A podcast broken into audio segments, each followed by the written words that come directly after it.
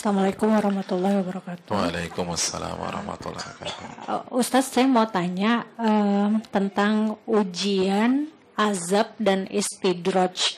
Karena uh, pemahamannya kadang suka uh, kayak sama gitu ya Ustadz. Maksudnya uh, apakah ini orang sebenarnya kena ujian atau azab atau istidraj?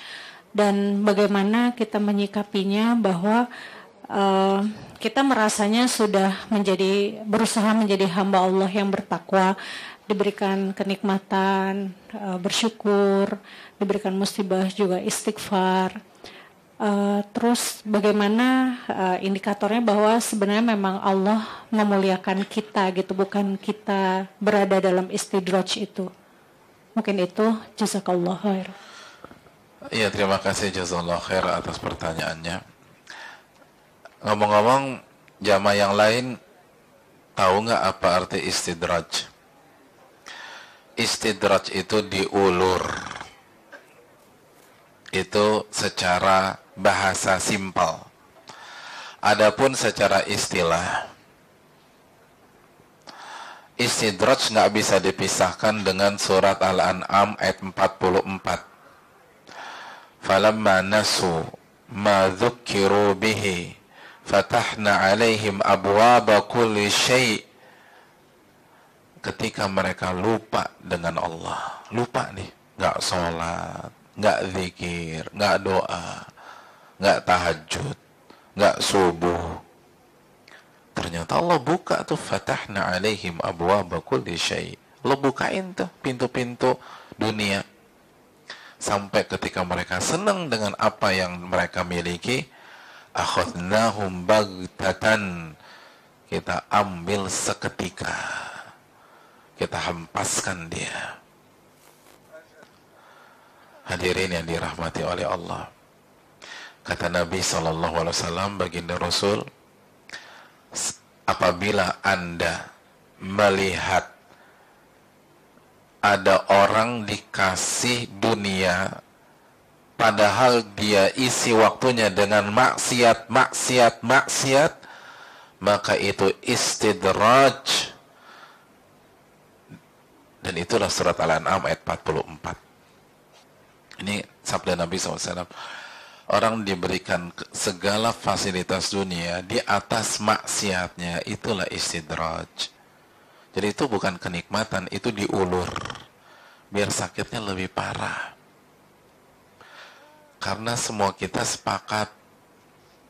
Sakit yang dirasa ketika jatuh di lantai satu itu lebih ringan daripada sakit ketika jatuh dari lantai 101 jadi diangkat.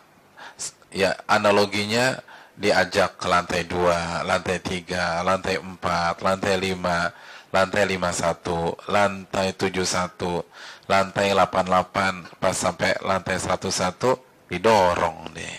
Oh itu lebih sakit. Itu namanya istidraj, diulur. Parameternya apa Ustadz? Itu aja simpel kata Nabi. Maksiat jalan terus di waktu yang sama fasilitas nggak intinya menghampiri dia jadi kalau ngelihat temen gue tuh nggak sholat tapi omsetnya gede banget. Tender dia yang menang. Itu istidraj. Kok dapat istidraj Anda ngiri? Mau juga dapat istidraj. Jadi nggak usah ngiri lah. Itu maksud istidraj. Yang kedua azab. Kalau azab itu buat orang yang nggak beriman sama Allah. Adapun yang terakhir nih ujian sama teguran.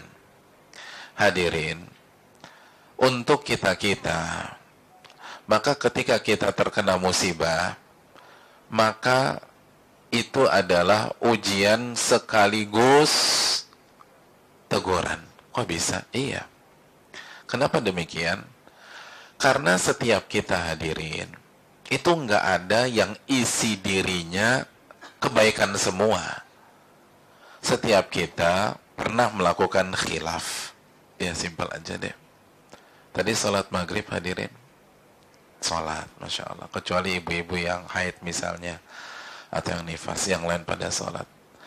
Tak, tapi saya tanya juga, siapa yang dari tadi pagi belum berdosa? Coba angkat tangan. Yang belum berdosa. Doa kan? Berarti hari ini dalam diri kita, kita mengumpulkan pahala dan ada dosanya juga. Pasti kita ada khilaf. Nah ketika kita kena musibah, maka ini adalah ujian keimanan di satu sisi, dan di sisi yang lain, ini teguran untuk khilaf-khilaf kita. Gitu. Jadi, maha hebatnya Allah itu, Allah bisa kasih satu musibah yang perannya ganda. Di satu sisi ujian keimanan, di satu sisi teguran buat kekhilafan kita. Karena isi isi tubuhnya manusia ya pahala ya dosa. Itu hadirin sekalian. Nah, tinggal yang dilihat lebih dominan mana.